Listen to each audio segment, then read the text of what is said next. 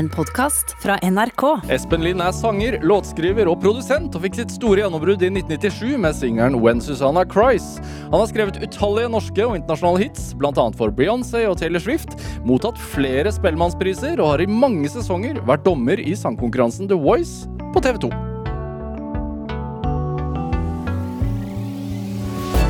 Dette er Drivkraft med Vegard Larsen i NRK P2. Espen Lind, varm velkommen til Drivkraft. Du, Tusen takk for at jeg fikk komme. Veldig hyggelig å ha deg her. Det er veldig koselig å være her. Hvordan har du det? Jeg har det fint. Ja. ja jeg må si det, altså. Jeg er en, en ganske fornøyd mann, generelt sett. Ja, Hva skyldes det?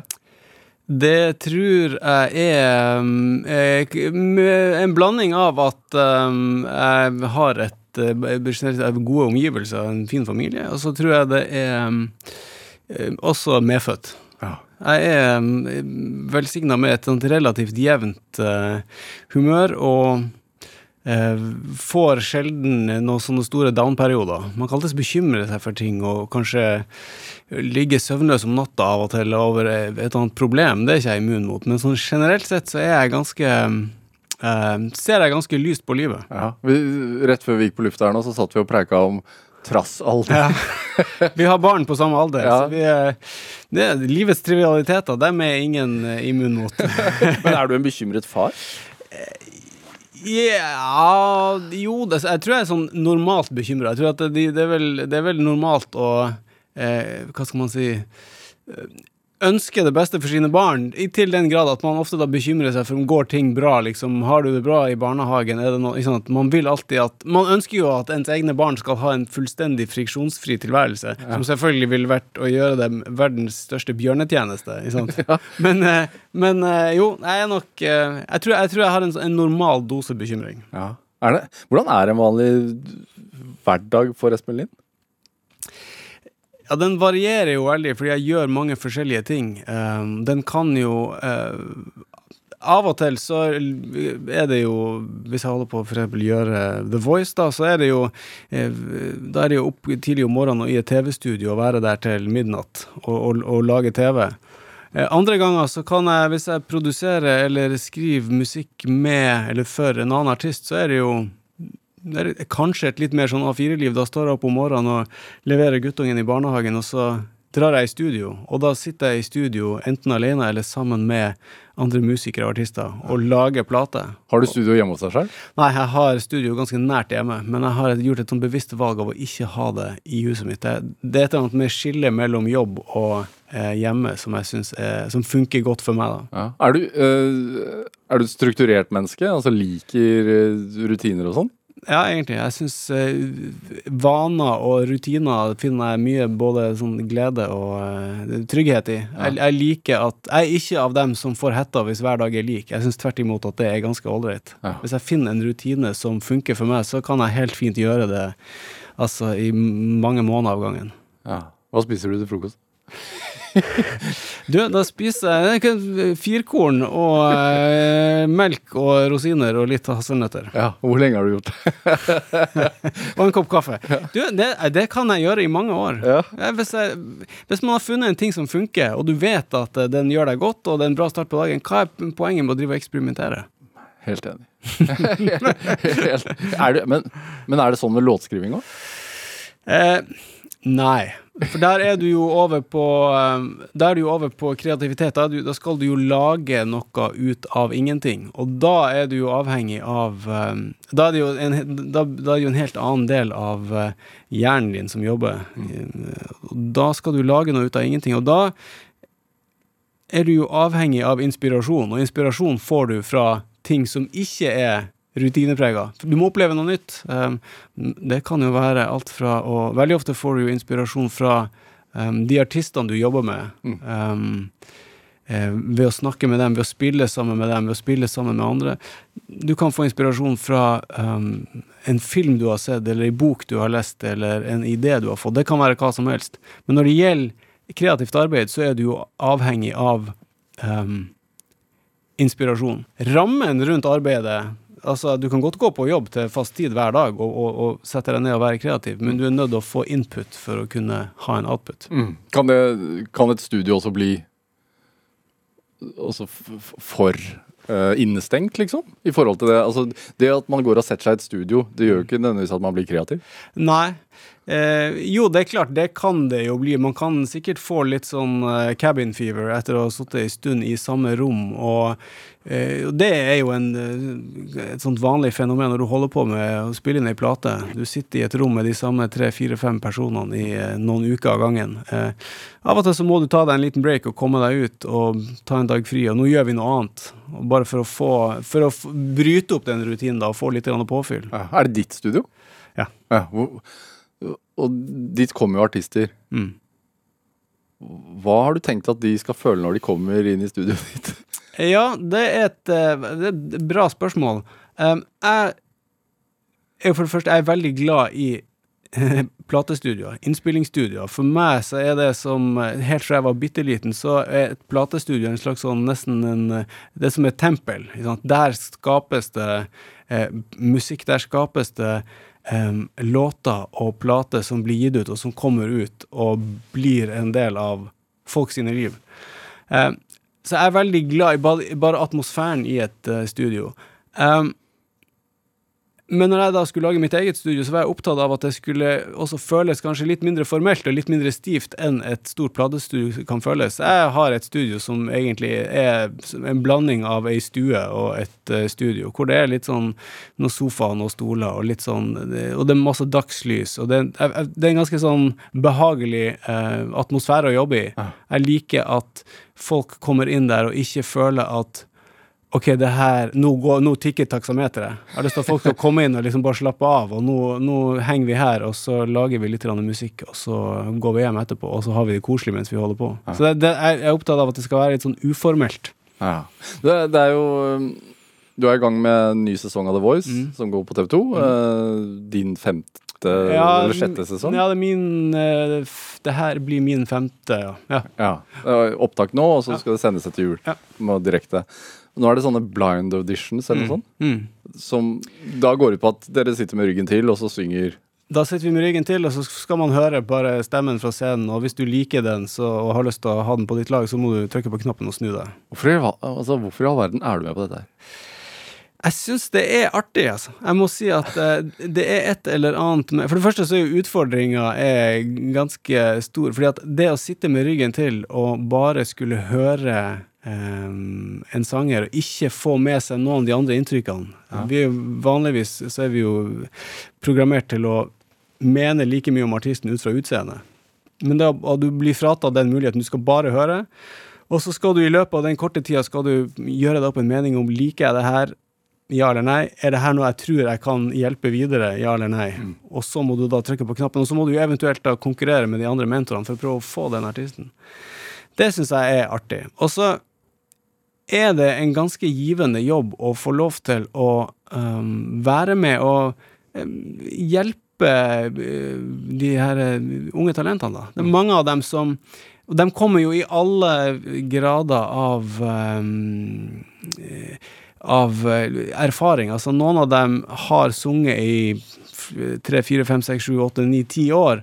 Andre har sin første opptreden noensinne på den scenen.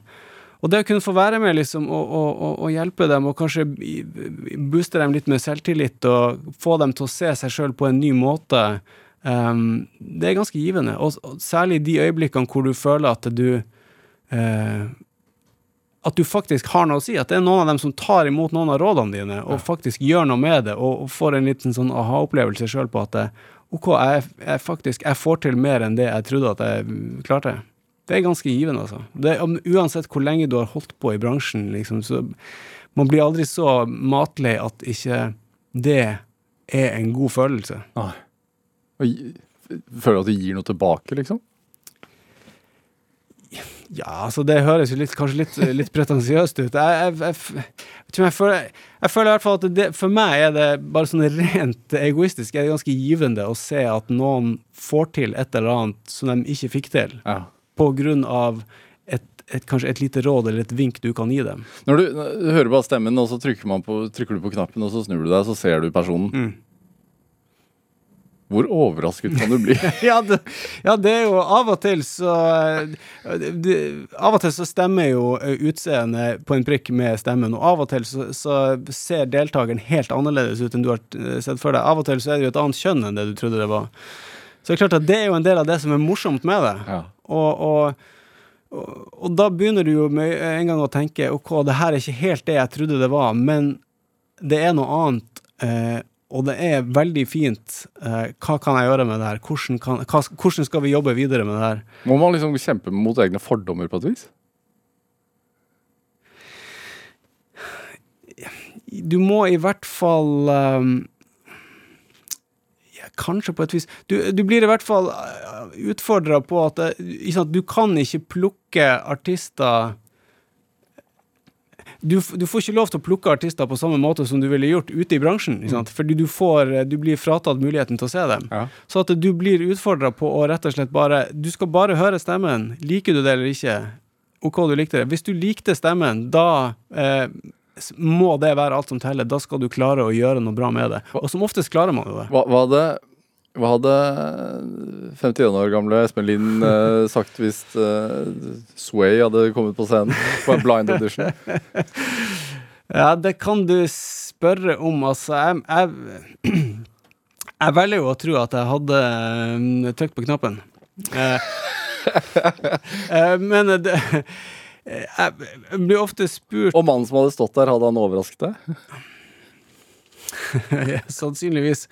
Jeg, jeg, ofte tenkt på, eller blir ofte spurt, hadde jeg sjøl vært med på The Voice hvis jeg, hvis jeg, hadde vært ung i dag? Ja. Eller hvis The Voice hadde eksistert da for x antall år siden. Og, eh, jeg syns jo det ser ufattelig skummelt ut. Jeg, altså, jeg er sånn dyp av beundring for de kidsa som tør ja. å gjøre det, fordi at eh, Altså, jeg har stått i det tomme studioet oppe på scenen der og sett bak på de røde stolene, bare for å se hvordan det ser ut, og det er ensomt, altså. Mm. Og når du står der, og du har publikum som står og ser på deg, og fire stolrygger, det er ganske Du er ganske modig når du gjør noe sånt. Ja. Sånn at eh, og det prøver vi å si til dem som er med deg, at uansett hvordan det går, om du går videre eller ikke, så det at du tør å komme og, og, og å åpne sjela di og legge den igjen på scenegulvet, uansett om du går videre eller ikke, så er det jo det er en slags seier. Du har, du har turt noe ganske monumentalt. Så hvis vi tar, til, tar deg tilbake til 95, altså da, da de ga ut uh, 'Prepare to get swayed'. Mm. Um, jeg husker, for Da var jeg 14 år. Uh, da så jeg deg på VG-lista Topp 20, eller hva som eksisterte den gang. Ja. Og jeg husker jeg tenkte Oi, det var unorsk. Ja. ja. Og, og, og spennende, liksom, men, men, det var noe jeg ikke hadde sett før, på et vis. Ja, det var kanskje det, altså. Du, du kan si at på 90-tallet så var jo popmusikk var, var veldig Popmusikk eksisterte egentlig ikke. Eh, på 90-tallet så hadde vi jo Fra første alder av 90-tallet hadde vi jo Populærmusikkbildet var jo primært indiemusikk og, og dance og tekno og den slags. Sånt rene popartister hadde vi ikke. Og jeg hadde vel en sånn idé om at um,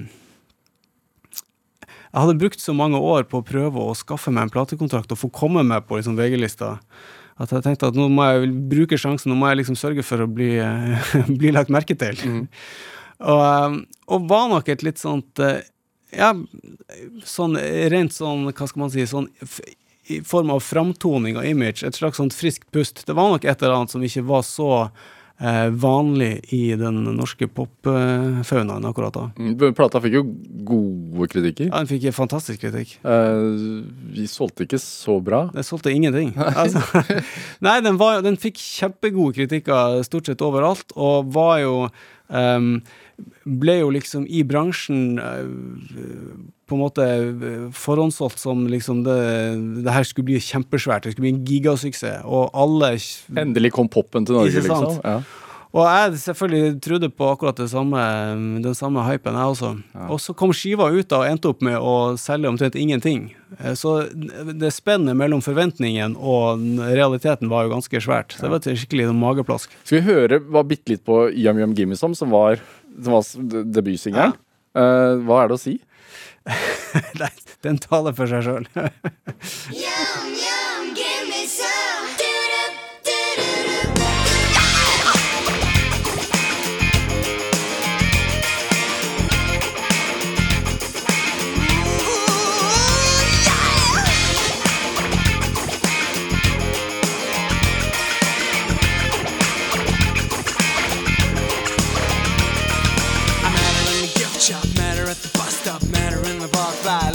like a show star. Seem to be a nice girl, seem to be a wise girl, seem to be a plain old no surprise girl. So I was a bit surprised, just a little paralyzed when she started to undress me with the steel blue eyes. Breath so fast, I thought you would last. You ripped my shirt, then things got nasty. Eat this, my kiss. Did you ever know that it could feel like this? Then she loved me. Bang behind the bushes in the park, and I just went yum yum, give me some.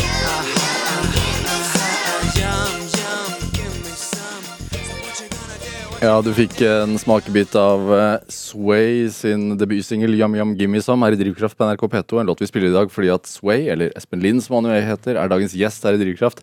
Jamara Jamaroquai var populært. Ja, det stemmer, det. Ja, Og det er jo litt Ja, du kan si det litt i en sånn der um, Kanskje litt i den gata der. Eh, altså, den låta har jo Du hørt, jeg har jo mye på hjertet, og er veldig sånn klar for å Det er veldig sånn Her er jeg, nå er jeg her. Jeg har kommet.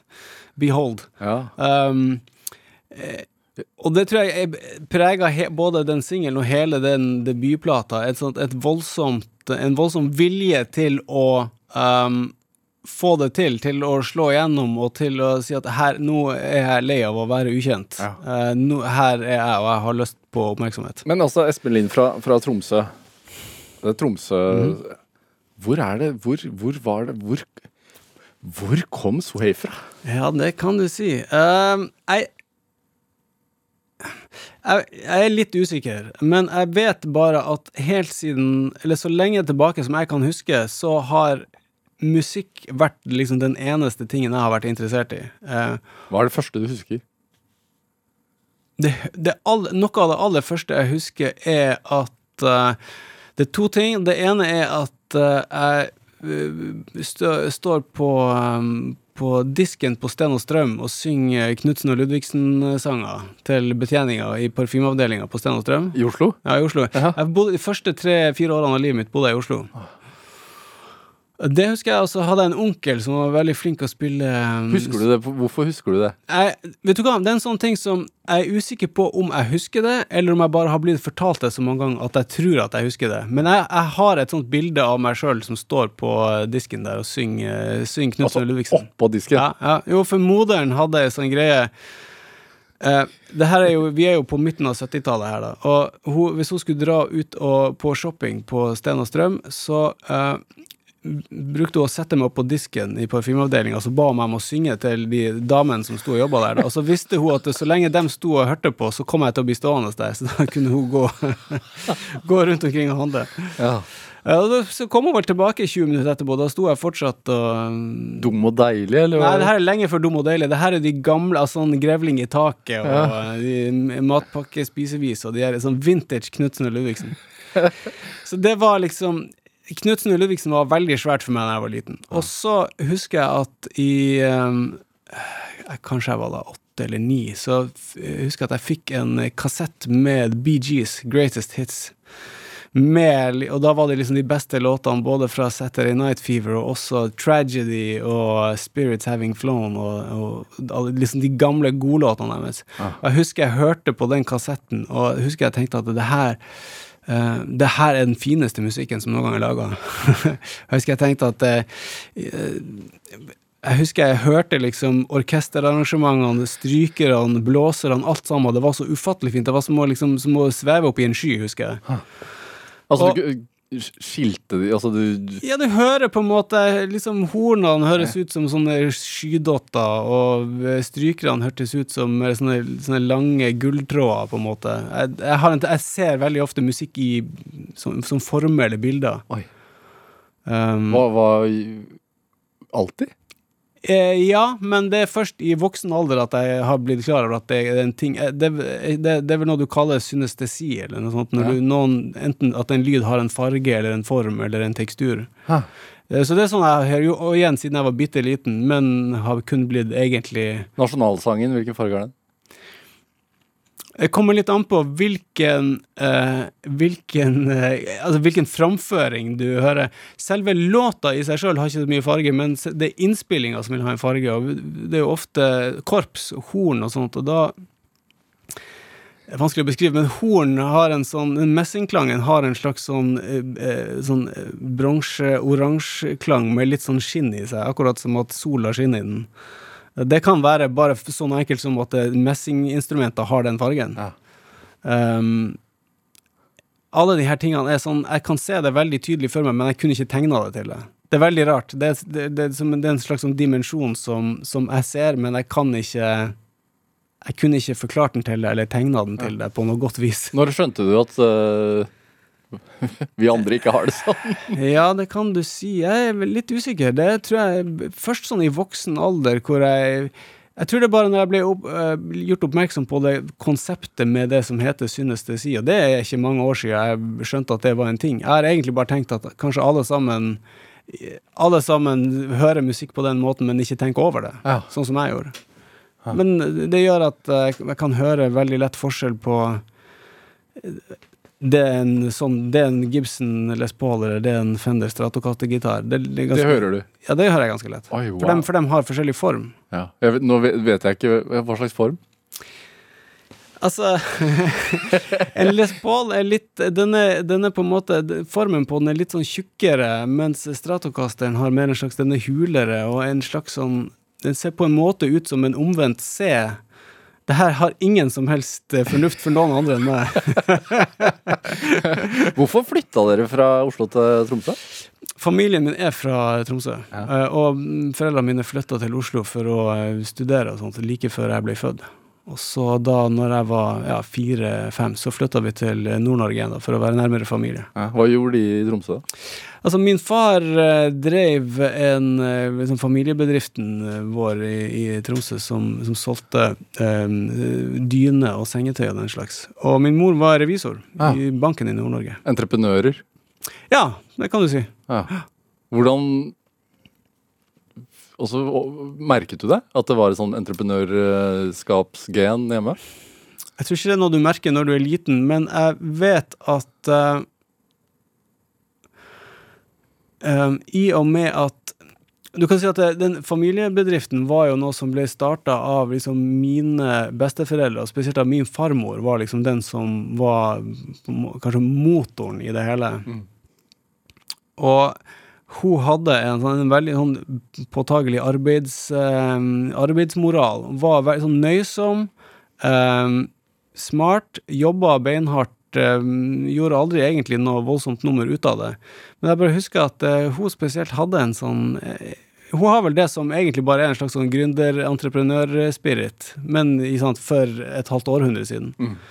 Og, og jeg var, sto veldig nært henne og brukte veldig mye tid sammen med henne da jeg var liten. Så jeg har sikkert mye av hennes eh, både filosofi til arbeid og til det å Til konseptet med at det, det er ikke så veldig viktig hva du gjør, så lenge du gjør det ordentlig. Hva het hun? Gunvor, Gunvor Lind. Hva husker du, da? Sånn uh, opplevelser mellom dere? Jeg brukte ofte å gå eh, jeg var, Før jeg begynte på skolen, så brukte jeg å være nede på kontoret hennes. da, nede på, Hun hadde et eget kontor på den, eh, i den familiebutikken. da. Så brukte jeg å være der inne, og så brukte jeg å få Enten så ba jeg om å få høre om historier fra krigen, fordi hun hadde massevis av gode historier fra krigen, eller så bare eh, snakka vi litt sånn om løst og fast, og hun var bare sånn Altså, Jeg var veldig glad i alle besteforeldrene mine, men jeg kan huske at hun tror jeg alltid snakka til meg som om jeg var voksen. Eller hun snakka alltid til meg som om jeg var et barn. Man, jeg følte alltid at uh, vi hadde um, Ja, altså samtaler frem og tilbake, da. Ja. Hun tok meg sånn på, på alvor. Ikke at, ikke at ikke andre gjorde det, men det var noe spesielt med den, eh, den um, forbindelsen med henne, da. Fortalte du hun at du ville bli, jobbe med musikk? Ja, absolutt. Og hun hadde en eh, Hun var altså superkul med det. Hun, hun hadde den uh, holdninga at det, det er kjempebra, bare gjør det ordentlig. Ja. Og det har fulgt deg? Ja. Og det, og det Når jeg bestemte si, nå skal jeg dø, nå skal jeg flytte til Jeg prøver å flytte til USA og se om jeg får suksess der. Lykke til, gjør det ordentlig. Ja. Hva betyr det å gjøre det ordentlig?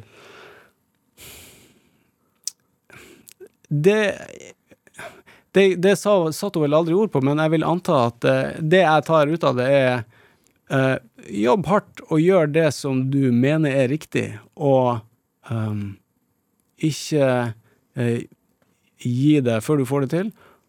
og mest av alt sørg for at du er happy.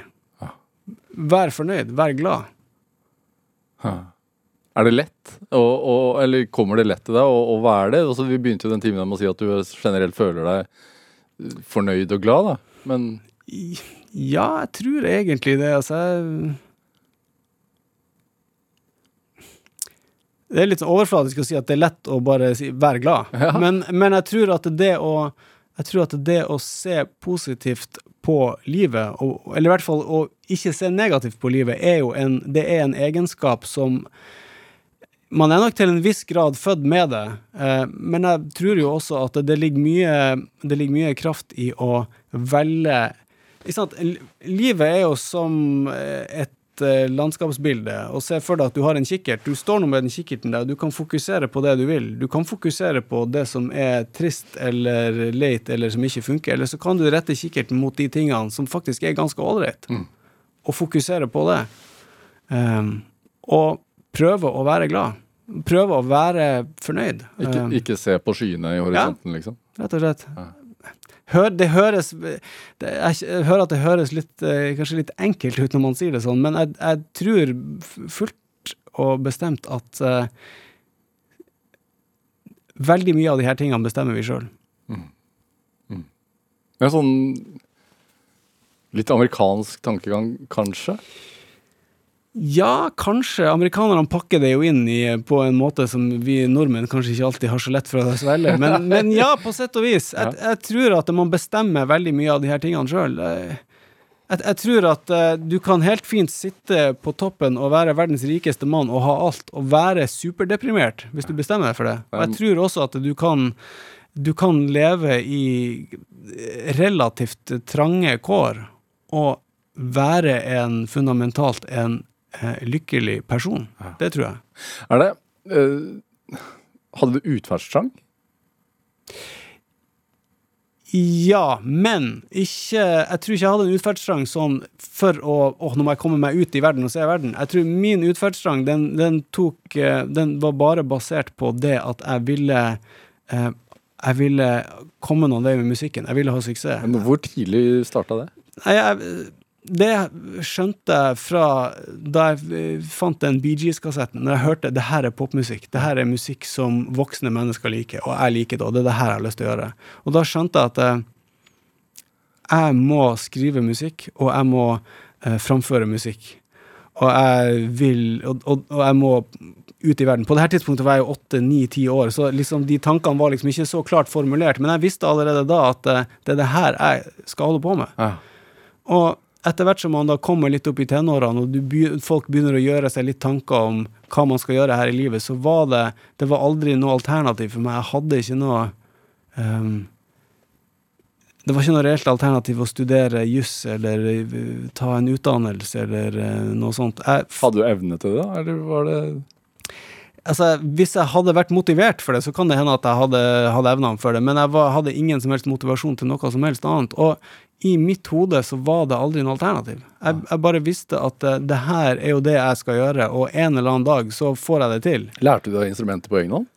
Ja, stort sett, ja. Eh, lærte meg gitar og hadde vel pianolærer i et halvt år, men så skar det seg, og så lærte jeg egentlig bare mesteparten på egen hånd. Så jeg er jo sånn auto, primært sånn autodidakt, da. Så, altså egentlig sittet hjemme på rommet i hele barndommen og hørt på plate og, og spilt med og prøvd å ehm, ja, analysere arrangementer og prøve å, å skjønne hvordan akkordrekke er bygd opp Med noteark eller uten? Eh, I utgangspunktet uten, Uh, men så har jeg lært meg å lese musikk etter hvert. da. Men, men mesteparten av det her Og det i popmusikk blir jo veldig veldig mye gjort bare på øret. Så, um, så, så i utgangspunktet kun sånn på egen hånd, da, med en platespiller og gitar. Hvordan var det for deg da å endelig få gitt ut en plate eh, som fikk knallbra anmeldelser, men som ikke solgte?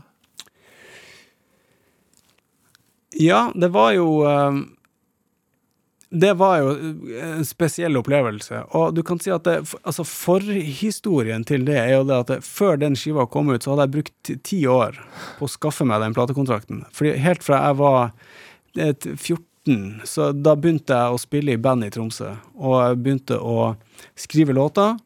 Og i de her bandene så var vi, vi var alltid veldig oppsatt på å um, få platekontrakt og komme oss ut. Ja. Jeg var jo alltid liksom pådriveren for det her, da. Og Det var jo før alle digitale tjenester og sånn, så Ja, ja, ja. platekontrakt var liksom Det her er i 1984, ikke sant? sånn at eh, den eneste måten for en ung låtskriver eller artist eller et band å komme seg ut, det er via et plateselskap. Det fantes ingen andre reelle muligheter. Så du måtte ha en platekontrakt. Jeg brukte de neste ti årene da på å prøve å få en platekontrakt, sende inn låter, skrive låter, få avslag. Eh, få et sånn halvveis løfte om en kontrakt som så blir brutt igjen. Jeg brukte ti år. Eh, halvparten av årene i Norge, og så et par år i USA. Eh, massevis av avslag. hva gjør, Hvorfor ga du ikke opp? Nei, jeg ga ikke opp fordi at eh, Fordi jeg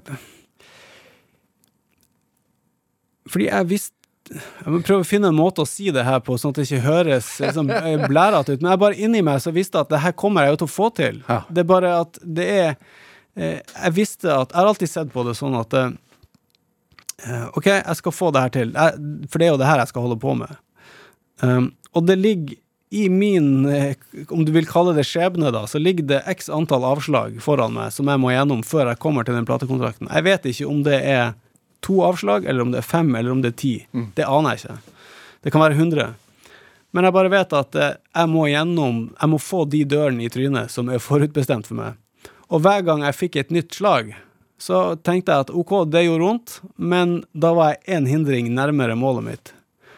Det er på en måte den eneste måten jeg Sånn dealte jeg med det på. Og, og jeg, jeg har ikke noe god forklaring på hvorfor jeg bare aldri var i tvil om at jeg skulle få det til. Det, er, det tror jeg bare er sånn jeg er skrudd sammen. Ja. Så hadde du en trygghet i bakhånd. da Du kunne jo alltid reise hjem og selge dyner. Jo da, det, det, kan du si at det, man, det er jo fordelen med å være norsk, og du kommer fra altså, det sosialdemokratiet, at du vet at det er grenser for hvor gærent det kan gå. Det kan du si. Absolutt. Eh, men eh, i alle fall, så brukte jeg de ti årene da, og så til slutt da, så fikk jeg da, etter hundrevis av låter refusert, så fikk jeg da endelig en platekontrakt, og fikk gitt ut den første skiva mi i 1995. Og ja, kjempekritikker, og solgte ingenting. Og da fikk jeg jo en sånn eh, en slags sånn oppvåkning på det at eh, det er vel og bra å jobbe hardt og jobbe og ha høye ambisjoner og ville få suksess.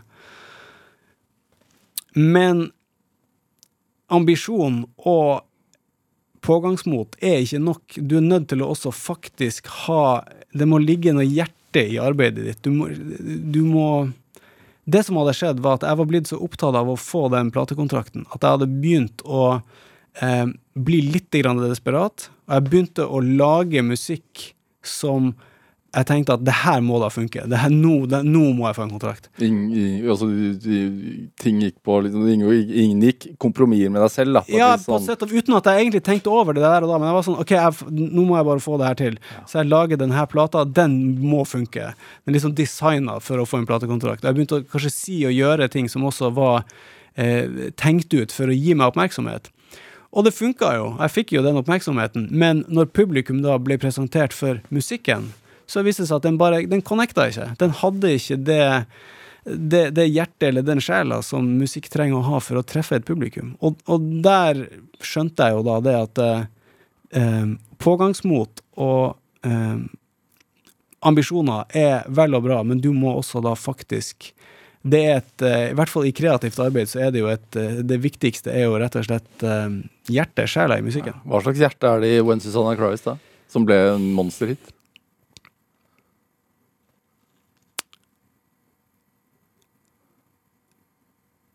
Ja, eh, det, det hjertet som er i den, er det at der den første plata ble skrevet litt sånn Den ble på en måte designa, altså den ble satt sammen, den ble tenkt ut. Så er jo eh, den andre plata, da kanskje spesielt When Susanna Cries, er jo sånn låt som bare kom ut av intet. Den kom på ti minutter en kveld jeg holdt på med noe annet, og jeg spilte inn en lynkjapp demo og tenkte egentlig ikke noe mer over det. Ja. Og den var ikke det jeg hadde sett for meg til mitt oppfølgeralbum. Men, og jeg, tenk, skulle i utgangspunktet tenkt at den her er jo en låt Den er fin, men det var liksom såpass enkelt å skrive den at jeg tenker ja ja, jeg, kanskje jeg gir den bort til en annen artist, da, så kan de få, få, få gi den ut. Og så sendte jeg den til sjefen i plateselskapet mitt, og så sier han at eh, hvis du gir bort den her, da er du tjukk i huet. Det her er jo den låta vi må gi ut på som singel. Ja. Um, og heldigvis for meg så valgte jeg da eh, å, i et sjeldent øyeblikk å høre på noen andre. Skal vi høre litt ja, av det? hør på den. When Susanna cries, she cries a rainstorm. She cries a river. She cries a hole in the ground. She cries for love. Cries a sad song. She cries a shiver. Sometimes she cries for me too. And I say I'll never hurt her. But she knows it isn't true. Cause although I never told her, I think she knows about me and you. Now she cries with silent tension. This can't be right. And the downtown special cries along. Cause I'm leaving tonight. When Susanna cries, she cries a rainstorm. She cries a river.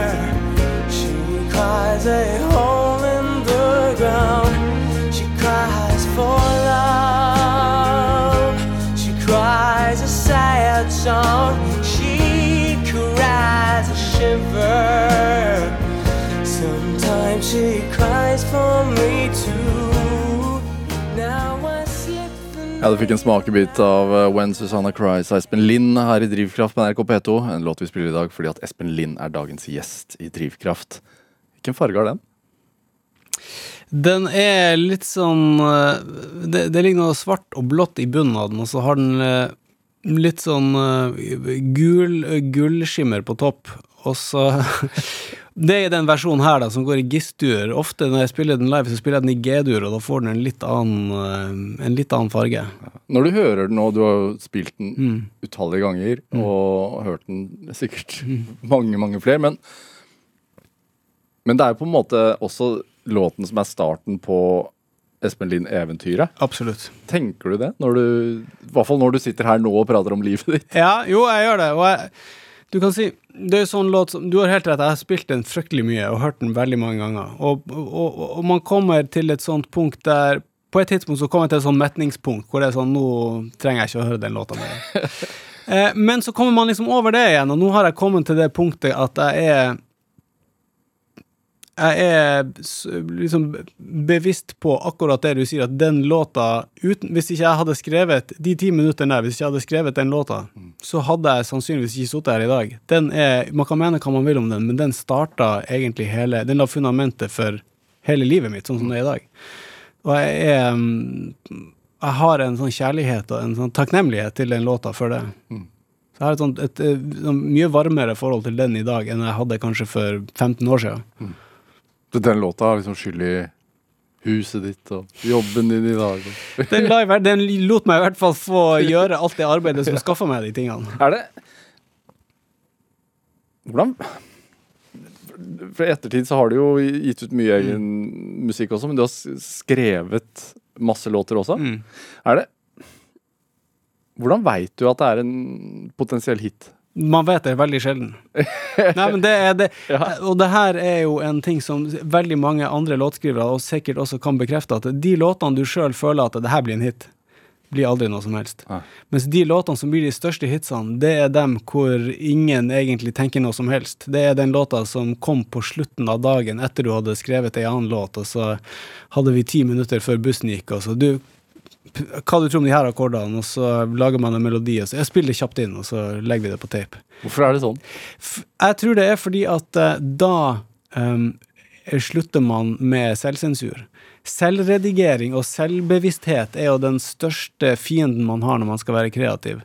Eh, da sitter du og vokter hver eneste akkord du drar på gitaren, liksom. Eh, er det her genialt? Er det genialt? Er det genialt?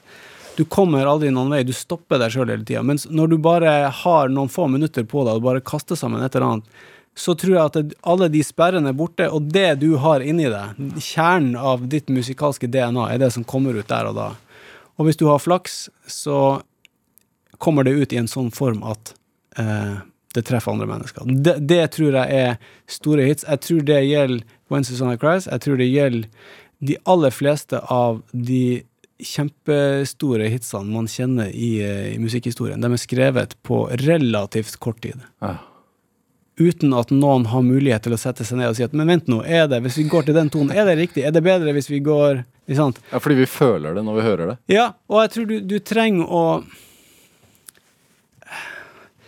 Uten at det her skal bli for mye sånn føleri, men jeg, jeg tror at når du skal skrive et stykke musikk, så det er jo Hvis jeg skriver en låt, og jeg vil at du skal høre den, så er det på sett og vis det er et eller annet inni meg som jeg da gir til deg. Og jeg tror at eh, jo mer jeg har tenkt gjennom det, jo mer jeg har eh, redigert og bakt på det som er inni meg før jeg gir det til deg, jo mindre ekte blir det. Ja. Hvorfor er ukulele da et godt instrument? Fordi det er verdens enkleste instrument, og det er bare så mye du kan gjøre med det.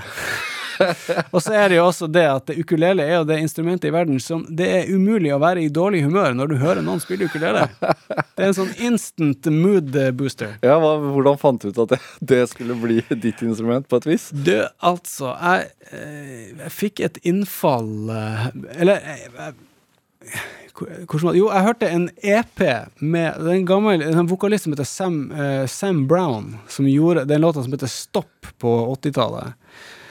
Hun gjorde en ukulele-EP en gang på 2000-tallet som ingen har hørt. Den er veldig smal. Men jeg fikk høre den på et eller annet vis, og så tenkte jeg ukulele, for et gullinstrument. Det har jeg aldri tenkt på. Og så bestilte jeg ukulele på postordre. Og så eh, Og så husker jeg pakka den opp og, og liksom stemte den opp og, og, og bare begynte å plukke litt på den. Og altså da, Det begynner med en gang å dukke opp låter. ikke sant? Og idet jeg pakka opp uh, ukulele og begynte å spille på den, så, så, så kom den låta som heter 'Scared of Heights'. Ja. Den bare dukka opp, liksom. Den, den, den tvang seg sjøl på. Skal vi, skal vi bare høre bitte litt på det også? Veldig gjerne. Ja.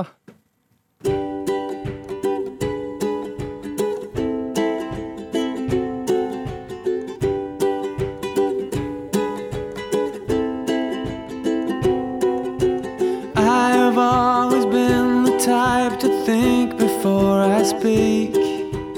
I have always been the type to look before I leap.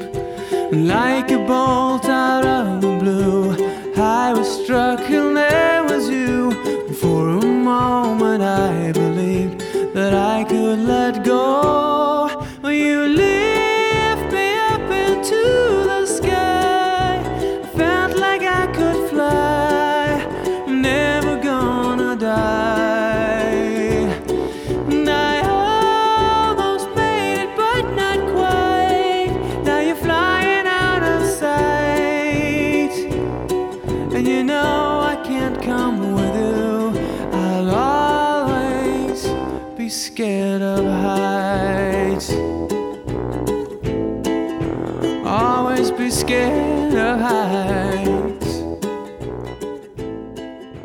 Ja, Du fikk en smakebit av Espen Linds 'Scared of Heights' her i Drivkraft på NRK P2. En låt vi spiller i dag fordi at Espen Lind er dagens gjest i Drivkraft. Jeg skjønner jo at de damene på parfymeavdelingen på Stena Strøm ble trollbundet av den stemmen. Ja, jo, det kan du si. Har du gått, til- har du gått til noe stemme... Nei, altså, nei, jeg gikk på musikklinje på videregående, og da får man jo stemme Da er jo liksom vokal er jo et eget uh, fag. Så, jo, jeg hadde, litt, jeg hadde noen sangtimer sånn da jeg gikk på skolen, Jo, og jeg lærte litt, men, uh, men, men jeg føler vel at i det hele og det store så er jeg vel kanskje selvlært der også. Ja. Men de fleste i min bransje er selvlært, vet du. De fleste av oss har sittet hjemme på gutte- eller pikerommet med platespilleren og bare og spilt med og sunget med og brukt eh, mange ganger 10 000 timer på å eh, på, på å finne ut av hvem vi er, og prøve å analysere musikk og prøve å mm, skjønne hvor man sjøl passer inn i musikkbildet. Er det Det å Men det å skrive låter til seg selv og fremføre de selv, gir det det samme når du skriver for andre? Ja, eh, for meg så gjør det det. Jeg, mange blir overraska når jeg sier det, men jeg får Jeg må si at jeg får like stor glede av å høre Av å skrive ei låt til en artist, og høre den artisten framføre det, som å framføre den sjøl. Jeg får like stor glede av at ei låt eh, Av at publikum liker ei låt eh, framført av en annen som om jeg framfører den sjøl. Det ingen For meg er gleden i å den, den største gleden med musikk er det å lage den. Jeg liker å framføre den, jeg syns det er stas, men det aller, aller største for meg, drivkraften min, er å lage musikken. Det er å Om man gjør det alene eller sammen med noen, det å sette seg ned, og det ene øyeblikket er det ingenting, og så begynner du, og så dukker det opp en akkord eller ei rekke eller en melodilinje eller ei tekstlinje som du kjenner at ok, når jeg spiller det, så kiler det litt i magen. Og så prøver du å kle på den et eller annet, og du, du skriver litt videre på den, og du setter den sammen med noe annet, og så plutselig, før du vet ordet av det, så har det blitt et eller annet som ikke var der for ti minutter siden, og som bare er ganske fint. Den følelsen er eh, ganske flott. Og Men det er, det er liksom det som jeg syns er artig å holde på med. Følelsen av å høre den for første gang når du har skrevet den ferdig, blir aldri den samme igjen etterpå, liksom? Nei, det kan du også si. Det, det å skrive ei låt, det, for det går jo i så mange faser. Du har Først er ei låt bare et slags embryo som du og da eventuelt dine medkomponister sitter og, og, og leker med og former, og så plutselig så er låta ferdig. Folkens, nå er den ferdig, og du hører man spiller gjennom den for, fra A til B for første gang, og du tenker at det her er bra. Og så kommer du til det punktet da hvor du hører at den blir spilt inn med den artisten som skal ha den, og du hører den ferdig i sin, i sin, si, sin voksne drakt. Det er svært. Og så kommer det punktet når du da eventuelt hører den på radio. Og det er også svært. Men på det tidspunktet så eier du ikke låta lenger. Den låta som var din, som var din baby, som du på en måte bestemte over og kunne bestemme hvilke klær han eller hun skulle ha på seg, den er ikke din lenger. Den er gått ut i verden, og den tilhører noen andre. Sånn at det, når man hører sine egne låter som da blir spilt ute i verden så Det er en sånn merkelig følelse, for det er, ja, det er, jeg hører at det er min låt, det er den låta vi skrev, men den er ikke min lenger. Nei. Noen andre har på sett og vis uh, Den bor hos noen andre nå. Ja.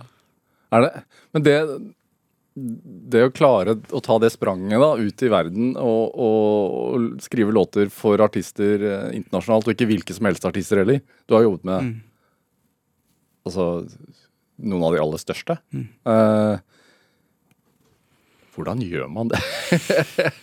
hva, hva er det som hvor, Ja, ja det, det ikke noe sånn der veldig eh, st stor hemmelighet annet enn at eh, du, du skal åpenbart jobbe veldig hardt og ring, Ringer du da Beyoncé, for eksempel? Sånn, du har en, har en låt der? Du er jo avhengig av Du må jobbe med de riktige folkene, og så er du avhengig av å ha et apparat rundt deg som kan hjelpe deg, og som kan få presentert musikken din riktig, til riktig person til riktig tid. Um, du er avhengig av altså, massevis av små detaljer som må gå Små tilfeldigheter som må gå din vei. Du må ha en god del flaks. Um, og Og så ligger det også fryktelig mye hardt arbeid bak. Men, men Og hardt arbeid og, og stå-på-vilje er viktig, men, men mm, vi som har hatt mye suksess, må jo også være ydmyk på det faktum at det, man har ikke så mye suksess også uten en god porsjon flaks. Fordi at det fins folk der ute som jobber beinhardt, og som ikke får det til. Um, sånn at man skal være, ja, man skal være ydmyk for at man, man må sette seg sjøl i en posisjon der man kan der man kan ha flaks. Har du et eksempel på, på en låt du har skrevet hvor du føler at ok, det ble en hit, det ble en, den riktige artisten, men det var flaks på, veien dit? jeg tror jeg nesten de, altså de aller fleste låtene vi har skrevet, har vel vært sånn. Men eh, vi kan ta da for eksempel den låta som heter um, Hey Soul Sister. Så, som har blitt avspilt 1,1 milliarder ganger på Ja, den Spotify. har, ja, den har, den har voldsomt. ja, den er jo en sånn låt som um, Milliarder ganger? Ja, ja. Nei, den, eh, den eh, det er jo en låt som eh, i utgangspunktet vi skulle gjøre med et, et band som heter Train, som er et rockeband. Og, og de kom til oss, eh, og vi gjorde ei rockelåt med dem som var Altså oss der du og Amund ja, Bjørklund. meg og min partner Amund Bjørklund. Vi, da, vi, bodde i New York på det her tidspunktet. Og, og um, vi tok imot dem i studioet vårt på, på Manhattan, og vi skrev en låt sammen som da heter Hey Soul Sister. Og vi hadde i utgangspunktet da spilt, arrangert den sånn som et rockeband ville gjort den. For det var jo det de var. De var et band med trommeslager og gitarist. Og så hørte vi på låta sånn helt på slutten av kvelden, og så tenkte vi vel begge at det, det her er jo bra, men det er, ikke, det er liksom ikke en hundreprosenter. Hvor var Train i karrieren sin da? Ja, de var jo egentlig som på vei nedover. De, hadde, de var svære på rundt, 2000, rundt årtusenskiftet. Og så på, når vi møtte dem da i 2008, så hadde jo ikke de hatt en hit på snart ti år. Og hadde vel fått kniven på strupen av plateselskapet sitt. Fått beskjed om at nå må dere ha en hit, ellers så får dere sparken. Så de, de hadde, det sto mye på spill for dem. Ja, for sånn er det. Sånn er det, det beinhardt. Ja. Spesielt i USA. Det er ingen nåde. Um, og de var så, såpass uhipp at uh, Det her visste jo ikke vi, da, men det var egentlig ingen som gadd å jobbe med dem i New York, utenom de to nordmennene som kom til byen i går, og som ikke visste bedre. så, så vi, men vi takka ja til å jobbe med dem. Vi syntes det var stas å jobbe med et amerikansk band. Vi, var fornøyd med det. Så skrev vi denne låta, da, og den var i utgangspunktet spilt inn med et fullt band. Og så på slutten av kvelden så satt jeg og Amund og hørte gjennom låta bak miksebordet, og så tenkte vi at ja, det her er jo bra. Eh, låta er bra, teksten er bra, dramaturgien i låta er bra, men hvorfor føles ikke det her ut som en hit? Og vi, vi var liksom Vi så på hverandre og skjønte at ok, her er sjansen vår i ferd med å gli, eh, skli ut av fingrene våre. Og det var sent på kvelden, og han, vokalisten i bandet, han, Pat Manahan, han hadde bestilt taxi hjem til hotellet sitt og var i ferd med å dra. Og vi skjønte at det, det, vi det som skal skje på denne låta, det må skje nå, eller så skjer det ikke. Og da sier han Amund til meg at ok, vi må gjøre et eller annet her, vi må ta et grep. Har du ukulela di med deg? og så sier jeg ja, den, jeg har den ligger ute sammen med resten av uh, utstyret mitt uh, på, i lageret her, men uh, vi kan ikke komme ukulele til Train, det er jo et rockeband, de kommer til å bli fornærma.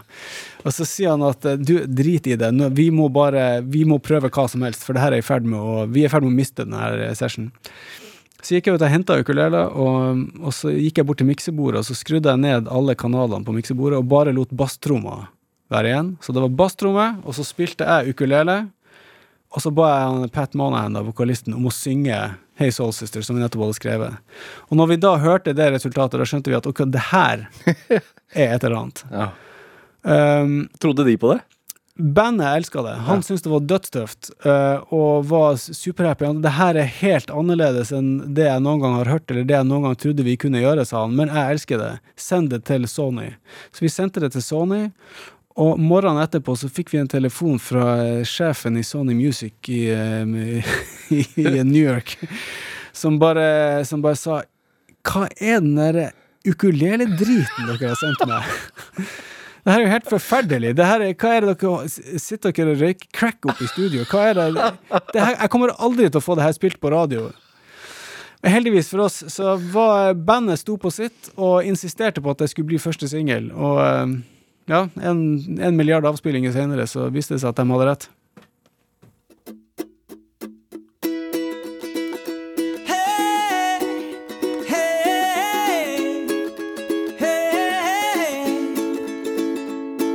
don't leave.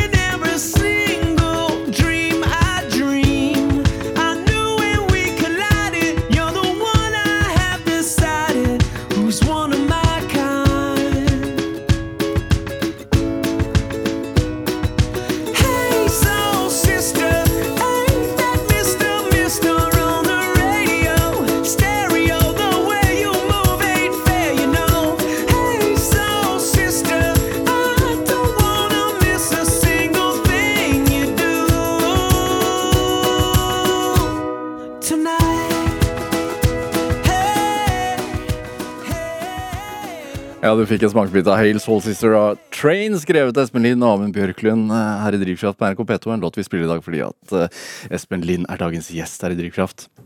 Du, den timen går fort, Espen Lind. Den gjør det. Det, det er jo egentlig det vi rakk her i dag. Men du, hva, hva er drivkraften din? Du har jo sagt det egentlig, men det er å Skrive musikk og lage ting. Jeg liker å lage ting, og det eneste jeg kan her i verden, er musikk. Så da lager jeg musikk. Man hører jo at Hail Soul Sister har skrevet av den samme mannen som skrev Scared, Scared of Heights, da. Det er en slags eh, link der, ja. Ja.